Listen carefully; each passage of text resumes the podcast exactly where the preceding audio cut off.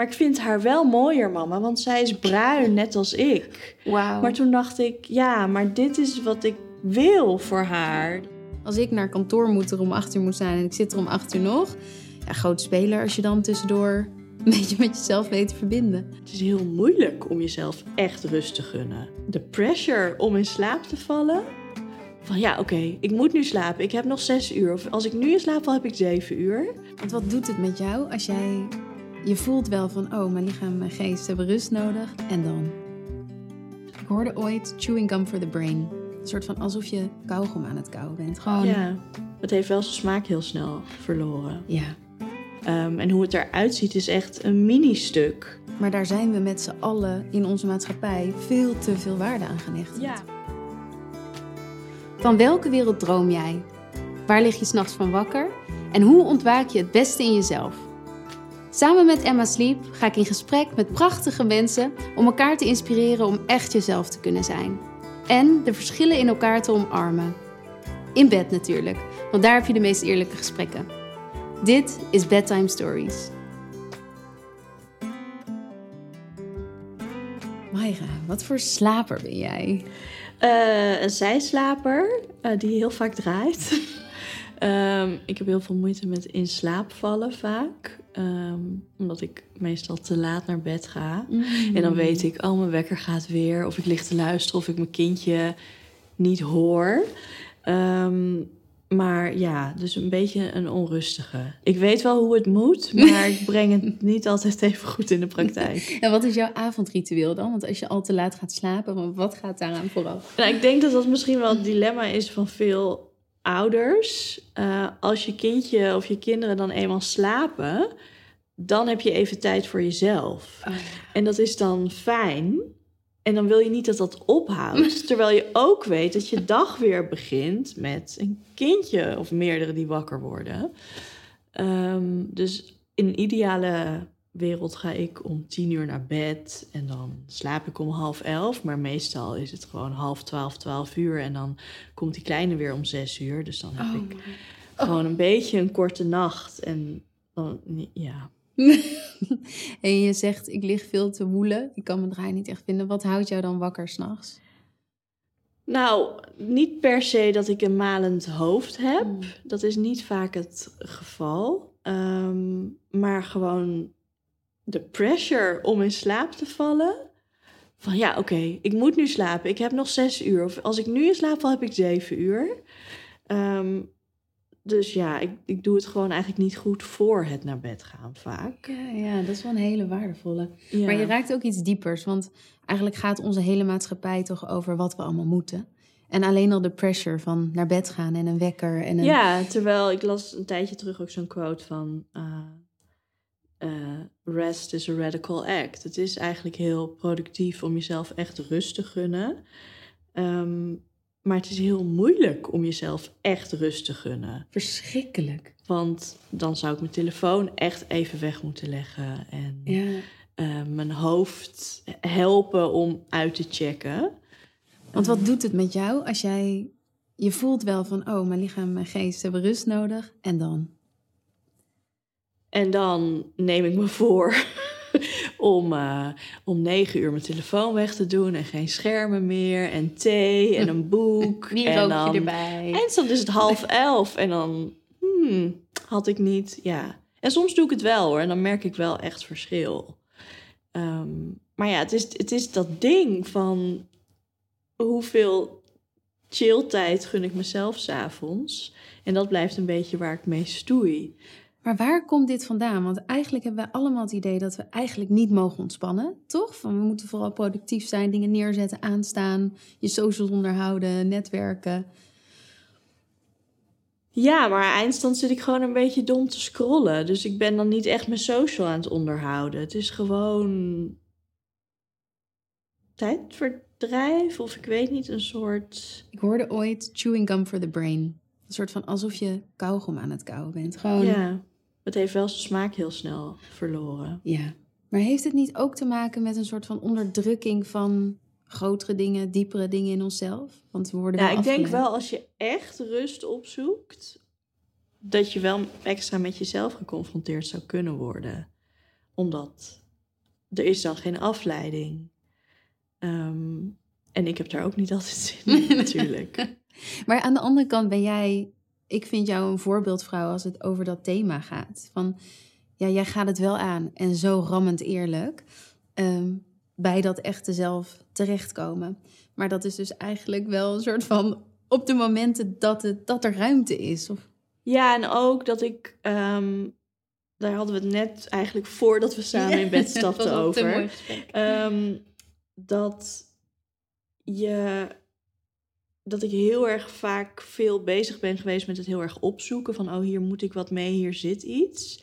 En dat ik nu meer aan het ontdekken ben hoe kan ik meer gewoon leven en die joy opzoeken. En dan maar zien wat er dan gaandeweg op mijn pad komt. In plaats van hier moet ik wat mee. En daar dan induiken. Want ik merk dat je niet zo je vast hoeft te klemmen in iets. Dat het dan eigenlijk moeilijker iets is om echt te voelen wat je er nou echt bij voelt. Omdat je het bijna wil fixen. Terwijl misschien ben je daar nog niet helemaal. Of is dit nu niet het moment? Mijn moeder zei altijd, je bent niet verder dan je bent. Die was Ja. zo waardevol. Van het hoeft niet allemaal nu tegelijk. Ja. Want dat zie je natuurlijk heel erg. Het is best wel radicaal wat je zegt. Van nu zie je heel erg in die communities en de coaching en de, nou, de whole shebang. Ja, je moet niet je schaduw ontkennen. Je moet in dat donker duiken. Dat ja. En eh, in die wond Ik moet ook zeggen, mijn Insta-bubbel is ook een beetje dat ik iets te veel van dat soort quotes ook voorbij zie komen. Dus ik denk dat dat stiekem ook wel een soort van trigger is. Mm. Ehm, en dat ik nu dus echt heel actief probeer van, maar wat brengt me nou echt een fijn gevoel? Wat brengt me rust? Wat brengt me joy? En wat helpt me eigenlijk vertragen? Ehm, in plaats van mm, onderweg naar my best self of my favorite self of mijn higher self. Maar het is bijna alsof die, alsof die zelf een quick fix is geworden. Alsof, alsof de hele zelfliefde ja, een soort van plakplaatje is geworden. Van, Ja, en dat werkt natuurlijk helemaal niet zo. Nee. Dat, nee. Maar wat werkt wel? Ga- Gaan we toch weer een Nou. concept van maken? ja, wat werkt? Ik, ik- dat, dat ben ik aan het voor mezelf echt aan het uitzoeken eigenlijk. Ehm, ik weet bijvoorbeeld heel erg op mijn lichaam en lichaamsacceptatie wat daar werkt. Maar dat betekent ook niet dat ik het altijd leef. Ik bedoel, ik heb een heel boek erover geschreven. En ik heb vaak, eh, merk ik aan reacties online, dat mensen zoiets hebben van, oh ja, Mayra, die is daar of zo. Maar er is niet echt een daar. Er is, je leert je lessen en je brengt ze zo goed mogelijk in de praktijk. Maar gaandeweg ga je op je bek en moet je jezelf weer bij elkaar pakken en denken: oh ja, wat moet ik nu ook alweer doen en hoe Ja. help ik mezelf nu? En het, ja, soms is het gewoon. Eigenlijk blijf je, blijf je dingen opnieuw in nieuwe situaties uitvinden wat dan werkt. Want ik denk dat dat ook groei is. Dat je hebt dan een periode waar je denkt: oh, I, I got it all Mm. figured out. Right. Ja. En dan schrijf je een en dan, boek. en dan schrijf je een boek. en dan ben je, kom je weer op een andere plek. En dan merk je dat je het eigenlijk weer voor die nieuwe situatie opnieuw moet ontdekken. En dat je dan misschien iets heel anders nodig hebt. Ja. En dat heb ik nu een beetje. Dat wat eerder werkte, doet het nu niet meer helemaal voor me. Maar ik heb ook nog niet helemaal helder wat ik dan nu wel precies nodig heb. Wel rust sowieso, meer slaap. Ja, ja, dat sowieso. Dat sowieso. Ehm, maar heel veel ligt open. En nou ja, dat is eigenlijk ook wel een fijne plek om te zijn. Dat, dat er ja, weer heel veel kan. Maar de- nou ja, ik word er echt bijna emotioneel van, van. Ik word er emotioneel van. De zachtheid in wat je zegt. Van, eh, dat het dus niet een quick fix hoeft te zijn. En dat je in ieder moment het weer aan mag kijken, aan mag gaan. Ja, maar je kan je ook zo mislukt voelen als je dan op Mm, ja, ja, het ja. internet rondkijkt en denkt: Oh, die heeft het helemaal voor elkaar. Of ik moet dit doen. En dan ga je dat doen en vervolgens zit je en het, werkt helemaal Nee, niet. nee. En het, het, het is niet een soort paracetamolletje aan self-love en Nee. dan ben je van je shit af. Maar dat verkoopt goed. Ja, Weet je, dat een verkoopt paracetamolletje voor zelfliefde verkoopt it's a whole lot of bullshit. Ja, ja. ja. En, om, en eh, hoe dapper het is om in ieder moment dat weer aan te kijken. Ik heb één keer gehad, ik heb natuurlijk ook een, een boek geschreven, Licht Leven. Het ging over mijn weg van trauma's in mijn jeugd naar, naar een beetje oké het leven doorbanjeren. En ehm, toen heeft iemand ooit tegen me gezegd, die kwam bij ons op kantoor werken. En toen zei ze, ja, met jouw werken is alsof Sinterklaas niet bestaat. En dat ging er dus over. Ze had mijn boek gelezen en ze had zelf een beeld geschetst van... oh, die, die leeft dus haar hele leven licht en die heeft nooit issues. En, en, en daarin zat zo'n mooie les voor mij... dat ik dacht van, nee, maar ik hoef niet perfect te zijn... of, of helemaal een soort van plaatje te leven, want that's not real. Dat is echt niet echt. Maar dan ga je ook een beetje in jezelf verslikken, zeg maar. Wat je voor jezelf hebt bedacht dat je bent, of hoe mensen jou misschien zien. Dat, ja, ik heb dat zelf ook wel gehad de afgelopen jaren. ehm, dat ik dacht, oh ja, ik verkoop op, ik verkoop op internet hoe je zelfliefde en selfcare en ik leef het helemaal niet. En dan voelde ik me bijna nep. Ja, ja. Terwijl, zo is het helemaal niet. Wil jij net zo lekker slapen als wij? Met de code LIEFLEVEN krijg je 10% extra korting bovenop de kortingen die al gelden op het hele assortiment. Ja, hoe behoud je eh, authenticiteit als je aan de buitenkant iets deelt over zelfacceptatie, zelfliefde en aan de binnenkant soms hele andere dingen voelt? hoe stem je die af op elkaar? Ehm, nou, ik moet zeggen, in eerdere jaren deelde ik echt heel erg veel online. Was ik echt super open. Eh, dat voelde toen goed. En nu merk ik dat ik meer ehm, het dichter bij mezelf hou en meer pas wil delen als ik eh, I got it figured out, zeg maar. Ehm, omdat dat ook, ja, het waar ik nu in zit, is een ingewikkelder proces. Denk ik dan bijvoorbeeld toen ik veel deelde over lichaamsacceptatie. Omdat ik daar al jaren mee bezig was. En toen ging ik daar een boek over schrijven. En dan was het meer terugkijken. En nu is het meer, ik zit hier nu in. Dus ik deel wel stukjes. Ehm, en ik, ik zou ook niet weten hoe ik daarin niet echt kan zijn. Omdat het is gewoon niet in mijn aard of Nee. zo. Nee. Ehm, ik krijg het letterlijk niet als ik een story maak en het is gelul. Dan, Hij post gewoon niet. Het internet valt nee, uit. maar op- het- ik krijg het gewoon mijn strot niet uit. Nee. Dus Nee. ja, het, ik denk dat het. Ik denk er niet over na. Maar dat vind ik bij jouw posts zijn zo oprecht, rauw, kwetsbaar. Eh, je laat ook je lichaam zien. Ehm, ja, wat, wat roept dat bij je op? Want het is niet alleen van binnen naar buiten, maar je krijgt ook reacties. Er komt ook iets terug. Nou ja, heel vaak. ehm, ik heb de laatste periode wat meer gedeeld over. ehm, dat ik misschien wel die lichaamsacceptatie heb, maar dat ik echt niet me elke dag fantastisch over mijn lijf voel. Of me elke dag een soort Lizzo eh, dansend in mijn ondergoed eh, helemaal blij. Ehm, en ik merk dat wat ik deel, zeg ik wel tegen de wereld, maar ik zeg het ook tegen mezelf. Ik heb zelf ook nog steeds die reminders nodig. Het is niet, dat is wat ik net ook bedoelde, van je blijft onderweg. Dus je kan dingen wel helder hebben en hoe je jezelf kan helpen en hoe je voor jezelf kan zorgen. En je kan je het hele recept ervoor hebben, maar ja, je hebt nog steeds zelf ook dat nodig. Ja. En het is, als je het niet blijft voeden, dan ligt ook oude shit weer op de, loer. Ja. Ehm, dus het is gewoon echt heel hard werken, want het blijft tegen de stroom ingaan. Ja. Zeker als je het hebt over eh, dik zijn en bijvoorbeeld oké of zelfs gelukkig zijn met je lijf. Ja, best wel veel mensen krijgen daar toch nog kortsluiting van. Dus eh, er gebeurt van alles. Het is heel anders dan bijvoorbeeld twintig jaar geleden toen ik begon eh, als model, wat ik jarenlang ben geweest. Eh, en dat ik echt in de meest lullige, lelijke, truttige outfit stond en mezelf nergens terugzag in bladen. En ehm, ik mocht alleen maar commercieel zijn en leuk lachen. En ik moest zeg maar de gezellige dikkerd zijn. Ja, ja. En dat heeft nu een heel proces doorgemaakt. En je ziet, eh, ehm, dat er meer ruimte voor komt. Maar dat betekent niet dat ik nooit meer dagen heb waarop ik me ongemakkelijk in mijn lijf voel. Of ineens wordt geconfronteerd uh, met een opmerking van uh, een tijdje terug een kind op een schoolplein. Die riep, wow, die is dik. En dan ben ik met mijn kindje en dan zie ik mijn dochtertje zo naar me kijken van...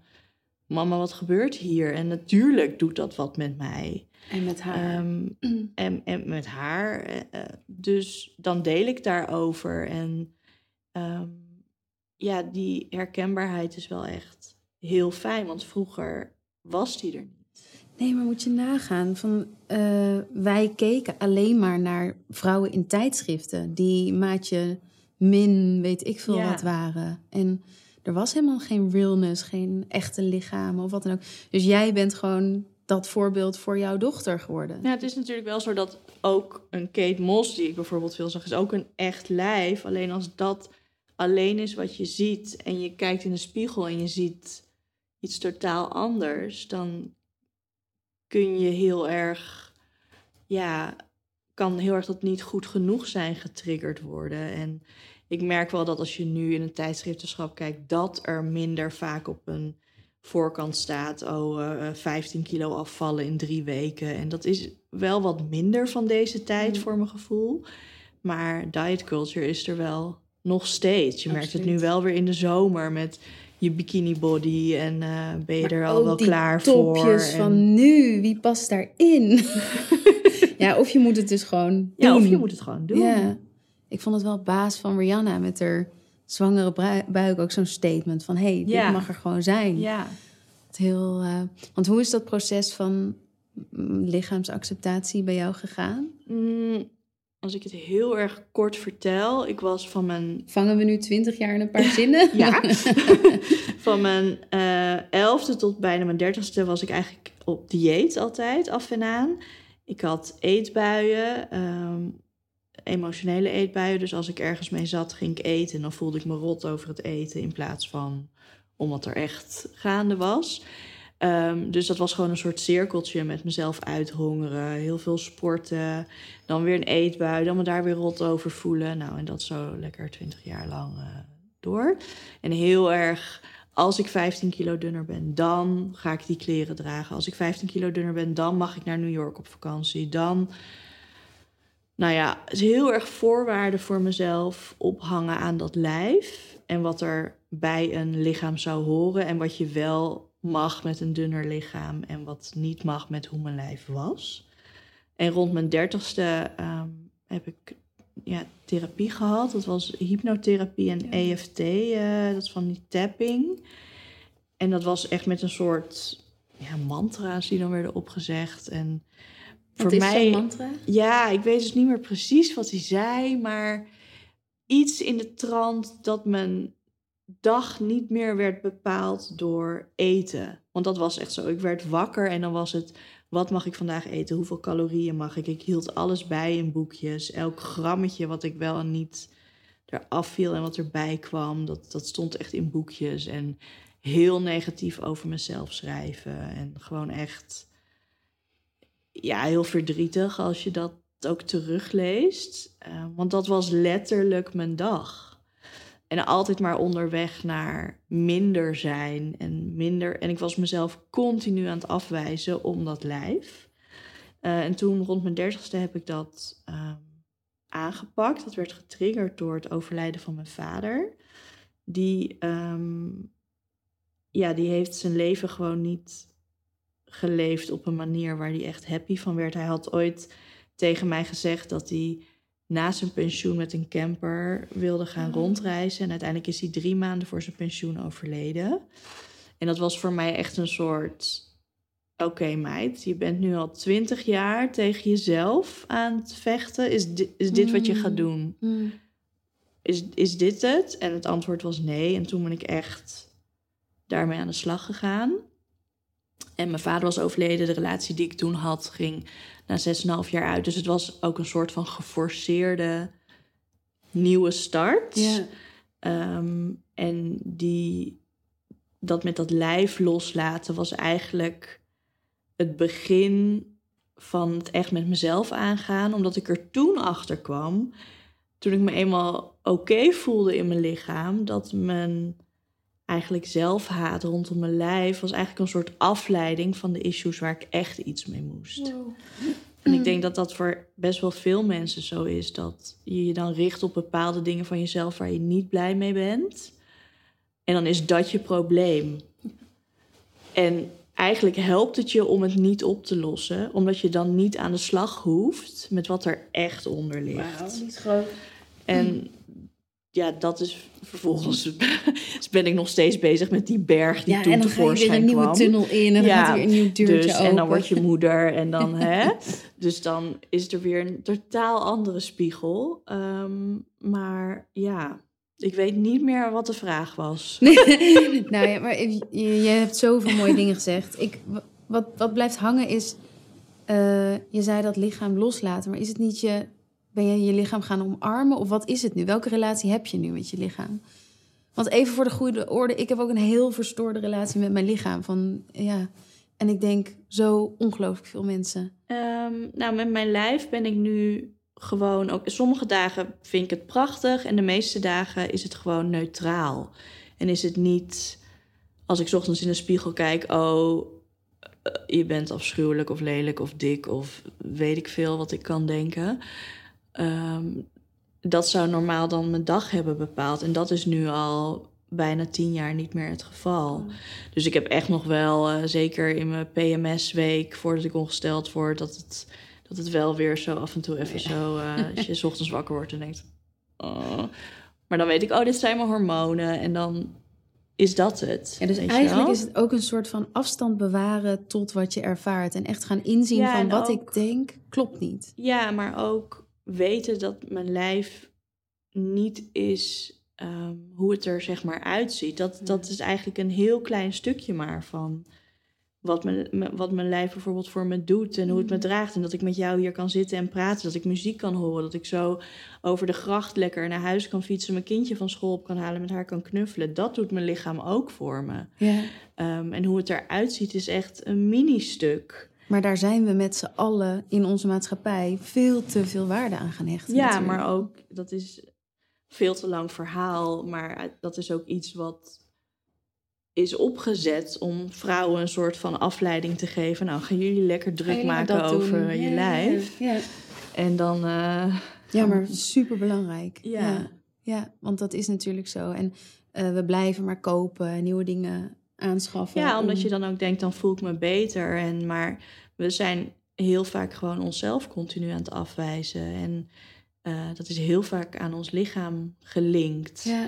En ja, Maar ook zo eigenlijk gaat het ook over die ontwakening van die wilde vrouw, toch? De echte vrouw die ergens voor gaat staan. Die met dat lichaam hier ergens voor gaat staan. En dat is Ja. een vrouw waar heel veel mensen bang voor zijn natuurlijk. ja, En daar zitten we nu middenin. ja. Ben jij al met die wilde vrouw in jezelf? Nou ja, mijn achternaam is De Wilde, maar... Wauw, oké, je hebt me uitgespeeld. Daar doen we niks meer aan. Nee, ja, ik weet niet. Ik, ik, ik, ik weet, nou nee. Ik, ik, ik- ja, ik snap het, maar ik, ik ben nog, I'm on my way. Ja. Ja. Ja, ik heb natuurlijk lief leven. I've got a long way to go. nee, ik voel wel, ik voel die roep, ik voel die schreeuw, laten we het een schreeuw noemen. Van, eh, er, er is iets nog te doen voor onze generatie. En dat is echt Ja. helemaal om die, voor die volgende generatie al iets neer te zetten. Maar als je bijvoorbeeld naar jouw dochter kijkt, wat zie je dan? Van, zij is toch al meer verbonden met die ik? Of zie je ook dezelfde dingen weer gebeuren? Nou, ze is wel eh, heel erg puur, inderdaad. Ehm, en verbonden met zichzelf. Maar ik herken ook mezelf erin. En dat ze eh, een beetje op de achtergrond is vaak in het begin. En dat ze dingen heel spannend vindt. En dat ze het wel moeilijk vindt om ruimte in te nemen. Dus het Mm. is ook dat ik denk, oh ja, damn, oké. Dit, dit, dit is mini, mini Myra. En dat maakt ook wel dat ik extra mijn best wil doen om nog meer achter mezelf te gaan staan. Omdat ik me heel erg bewust ben van wat ik haar voorleef. Eh, en ik kan haar van alles vertellen. Maar als ik het zelf niet doe, Ja, ja. Ain't buying it. nee. Ja. Dus ik, ik, ik moet het wel, ik, ik moet het wel leven, tussen Mm. aanhalingstekens. Ehm, dus ja, dat, dat is het meer. Het is een enorme spiegel, zo'n eh, zo'n kindje. Ja. Ja, en ik, ik denk echt die... Nou ja, ik zie wel van die jongere vrouwen, zo'n Billie Eilish. Of, dan denk ik, mijn hemel, wauw. Ik, wat zou ik dat graag willen? Mijn haar groen verven, in een of ander groot pak lopen... en gewoon scheid aan wat de wereld vindt. Ik ben nog steeds een beetje de Britney Spears plaatjes plakken... en glimlach naar iedereen. En van, ja, hoe kom je in die diepere laag van jezelf? Het is, het is ook een heel rauw proces, hè? Ja. En mijn hoop is dus dat zij ons dat gaan leren. Ja, ik denk dat dat ook een beetje samenhangt met uh, wat, ik, wat ik ook zei, waar wij het ook over hadden.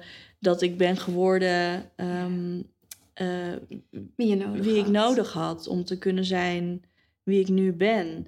Um, en ik, ik denk. Deze zin is echt. Oh, ik, ik, ben geworden wie ik nodig had om te zijn wie ik nu ben. Ja, okay. want ik denk dat. Of je nou uh, heel happy bent opgegroeid of uh, niet kreeg wat je nodig had.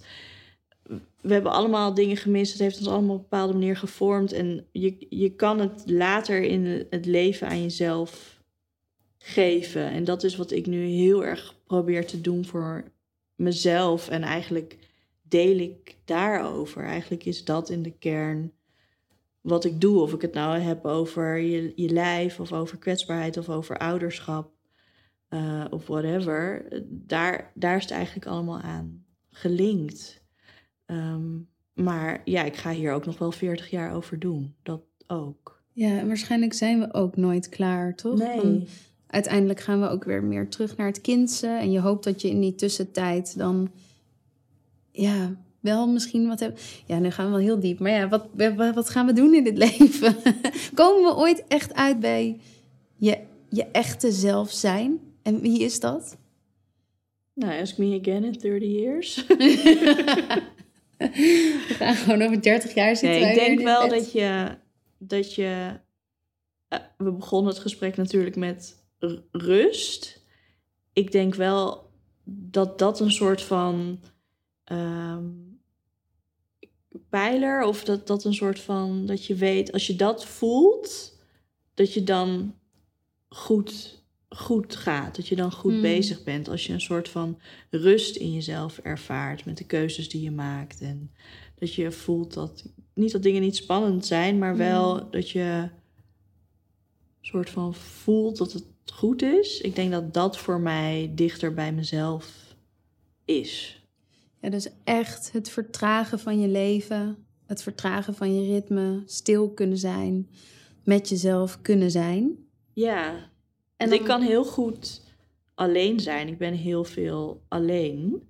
Ehm, maar ik heb in, die, in dat alleen zijn vaak nog wel heel veel afleiding die ik opzoek. Dus op mijn telefoon of Netflix uitspelen. Ja. Of, en ik onderzoek nu van hoe, hoe goed kan ik echt in die, in die stilte zijn. En wat gebeurt er dan als ik dat opzoek. En, Ja, volgens mij kunnen we ook gewoon echt geen. We kennen geen stilte meer. We weten niet hoe we het moeten ervaren tijdens onze dag. Kijk, vroeger, dat we geen mobiele telefoon hadden. ja. Wat een ander leven. Dat is wel echt. Ik heb van die momenten dat ik even geen social media gebruik. Dan merk ik wel hoeveel ehm, ruis dat brengt. En wat betekent dat? App van je telefoon? Ja, app van mijn telefoon. En dan ben ik bijvoorbeeld echt een week niet online. En dat gaat dan in het begin wel met dat ik nog soort van eh, ga checken. Omdat het gewoon gedrag is, gewoonte. Eh, maar als ik er dan eenmaal aan gewend ben dat ik dat nu niet doe, dan is het wel. Ja, dan ontstaat er heel veel ruimte. Dat is ook een beetje dat ik toch die haat-liefde verhouding heb met Instagram.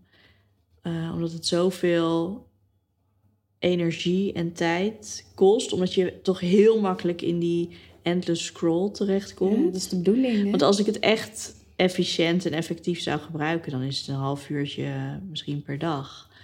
Maar het is gewoon, je pakt en dan zit je weer al eh, een beetje dom naar reels te kijken. Ja. Ehm, en dan ben je weer een half uur verder. Ehm, en het is gewoon, het houdt je hoofd een beetje blurry. Ja. Dus ik merk wel als ik het niet heb, dat ik me dan eigenlijk wel beter voel. En dat blijft een soort zoeken naar hoe kan ik het wel in mijn leven hebben, maar niet op, op deze manier. Maar eigenlijk gaat het hier weer over die vertraging vinden. Want als je dus, want dat betekent dat je het bewust gebruikt. En het onbewust gebruiken Ja. zit hem in het achterloos scrollen Ja. naar, naar mensen die je toch niet kent. ja. En wat hebben we er echt aan opgedaan? Dus eigenlijk heb je Ja. weer die les van vertraag, weet je? Of kies dan een bewust half uur om te gaan kijken. Maar ja, dus, is, maar dat kan ik dan dus allemaal bedenken dat ik Ja. dat ga doen.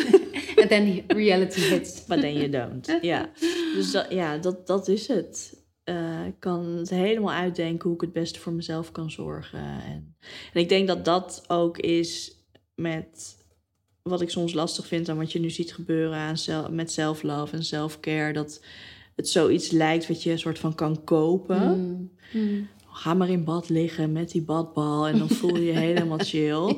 Maar uiteindelijk gaat selfcare over hoe je je dag indeelt en hoe je echt voor jezelf zorgt. En ook hoe je moeilijke keuze ma- keuzes maakt en hoe je grenzen stelt naar mensen om je heen, maar ook voor jezelf. En het gaat veel dieper dan het soort van pretpakket Ja. wat online wordt. En eh, zelfzorg verkocht. kan best wel pijnlijk, Het is pittig, gewoon helemaal, niet- lelijk. het is helemaal eh, niet zo leuk. nee. Het is helemaal, het lijkt een soort van roze glitters en jee, maar het is gewoon, ja, ik heb er meestal niet zo zin in. En fucking hard werken. Ja. ja. Het, ja. is, het is niet zo leuk. Het is wel waar je uiteindelijk kan zijn, is fijn, maar de weg er naartoe kan best wel geploeter zijn. En het is ook de regels toch herschrijven. Want eigenlijk de kaders die ons gesteld zijn, daarbinnen is geen ruimte voor echte zelfzorg. Dat heb ik niet zo ervaren. Als ik naar kantoor moet er om acht uur moet zijn en ik zit er om acht uur nog. Ja, groot speler als je dan tussendoor een beetje met jezelf weet te verbinden. Ja, ik zou dat heel knap vinden. Ik heb nooit een vaste baan gehad na mijn studie. Maar ehm, ik weet niet hoe ik dat zou doen. Want ze zeggen wel, ja, ik I'm having a mental health day. Eh, ja, wel, waar kan dat? Mm. Er zullen vast bedrijven zijn waar dat echt kan. Maar Absoluut. Ja, zeker. ik denk meestal eh, is het jammer voor je baas de tijd. Nee, het toch? hele construct is er niet naar. Dus ja, waar ga je een momentje voor jezelf nemen dan? Sowieso acht uur per dag productief. Hoe Ja. dan? Ja, dat is ook wel bizar. Ja, en waarom steeds op dezelfde plek? Weet je wel, gaat, gaat iets creatiefs daarin in je opkomen. Maar ja, dat is een whole nother story. Maar ook in, in relaties, weet je wel. Je behoort je op een bepaalde manier te gedragen. En voor vrouwen is dat nog steeds vaak iemand anders op de eerste plek zetten. Zorgen voor. Ja, Dus daarin de regels herschrijven van hoe een vrouw zou moeten zijn. En gewoon iets meer met zichzelf bezig. Veel meer met zichzelf bezig. En daar komt ook iets bij kijken, toch? Ja, ja, dat is ook wel eh, een ding. Kijk, bij mij is het omdat ik ben single, dus ik heb co-ouderschap met de vader van mijn kindje. Dus ik heb eh, ja, geforceerd tijd alleen. Wat voor mij wel echt helpt als ze bij haar papa is, dan, dan kan ik gewoon even met mezelf zijn. En dat helpt me wel weer opladen voor de momenten dat ze dan weer bij mij is. En dan merk ik dat ik ook op die momenten er meer voor haar kan zijn. Maar toen ik nog een relatie had, viel ik heel erg in die valkuilen van het zorgen en het praktische. En waren toen ook twee eh, oudere kids al die mijn ex al had. Dus het, ja, het was gewoon een heel eh, gezin. Ehm, ja, zie dan maar eens aan jezelf Ja. te denken. Vinden... Eigenlijk vind ik dat dus als single makkelijker, omdat ik Mm. die tijd alleen heb doordat zij naar hem gaat. noodgedwongen, maar ja, wel... maar eigenlijk helpt het me dus wel. Want ik merk nu dat ik denk, oeh, als ik weer een relatie zou hebben, ehm, ik wil dit stuk eigenlijk niet opgeven. Nee. Dus dat is wel een interessante gewaarwording Ja, ja. geweest. Hoe zou je dat Ik vind het meenemen? moeilijker in een relatie om eh, dan die ruimte te pakken. Hmm. Ja. hey, we liggen in een bed. We gaan zo natuurlijk lekker slapen. leveltje, leveltje. Als we het hebben over de wereld waar jij van droomt. Misschien een wereld die je achter zou willen laten voor je dochter. Wat zou dat voor wereld zijn? Ehm, nou, wat ik nu al wel heel fijn vind, is dat voor haar zijn veel meer de voorbeelden eh, te zien die ik bijvoorbeeld vroeger graag had willen zien. Bijvoorbeeld zoals nu een Lizzo. Dat is Oh, ken ondenkbaar. eh, je kent Lizzo niet? Nee. Oh my god. Oh. My god. Oh. Dit val ik, kan val niet, ik nu hoor. door het bed? Be beetje wel, ja. dit? Lizzo is een zwarte zangeres. Ja. Eh, en ze is dik en ze, ze twerkt en ze Oh, wat is out there. En ze schrijft hele mooie, toffe teksten. En Wat is een nummer van, van haar? Dan gaat iedereen zo luisteren. eh, ze heeft nu net eh, About Damn Time. Oh, maar die ken ik Die wel. ken je wel, toch? Ja. Ja, In een minute. ja heel, eh, heel Instagram. Die. Ja, dat is Lizzo. Dat is Lizzo. Ik ken haar. En laatst eh, keek ik naar die clip met eh, mijn dochtertje. En toen zei ze: Mama, mijn dochtertje heeft een zwarte papa. Dus zij is best wel bezig met dat ik wit ben en zij is bruin. En hoe oud is ze? Ze, is, ze wordt vijf. Ze is bijna En dat vijf. zijn dus nu al thema's waar ja, ze Ja. wordt ermee geconfronteerd. Ja, maar ze is ook echt mee bezig. Ook haar twee broers zijn ook zwart. Ze was er altijd mee bezig. Mama, jij bent de enige witte. Eh, wij zijn lekker mooier. maar toen keken we dus naar, eh, naar die clip van Lizzo. En toen zei ze, oh ja, Lizzo is wel dikker dan jij. Maar, maar ik vind haar wel mooier, mama. Want zij is bruin, net als ik. Wauw. Maar toen dacht ik, ja, maar dit is wat ik wil voor haar. Dat ze dat, ze dat ziet en Ja, dat ze ja. dat kan voelen dat het, dat het Mm, mooi is. mm. En dat het gevierd mag worden. En dan denk ik, ja, vroeger toen ik opgroeide, waren die voorbeelden er niet. Dus ik vind het al heel fijn dat, dat het er is en dat het bij haar zo leeft. En dat ze de ruimte voelt om dat te zeggen. Natuurlijk dacht mijn ego, the fuck, je vindt mij niet de mooiste. maar nee, uiteindelijk gaat het om ja, dat zij dat voelt en dat ze dat ziet en dat die herkenning er is. En ja, En tegelijkertijd zijn we er nog niet natuurlijk. Nee, Van- nog lang Nee, niet. nog lang niet. Maar, maar wel, ja, ik, ik ben wel eh, met mini, mini, mini dingen hopelijk onderdeel van de verandering. En ja, ik, ik ben wel heel benieuwd hoe het, hoe de wereld is als zij 14 is. Ik Mm. weet hoe die was toen ik 14 was en dat was, Ruud. was not great. dus ehm, ja, Hmm. ik ben wel voorzichtig hoopvol. Heel voorzichtig.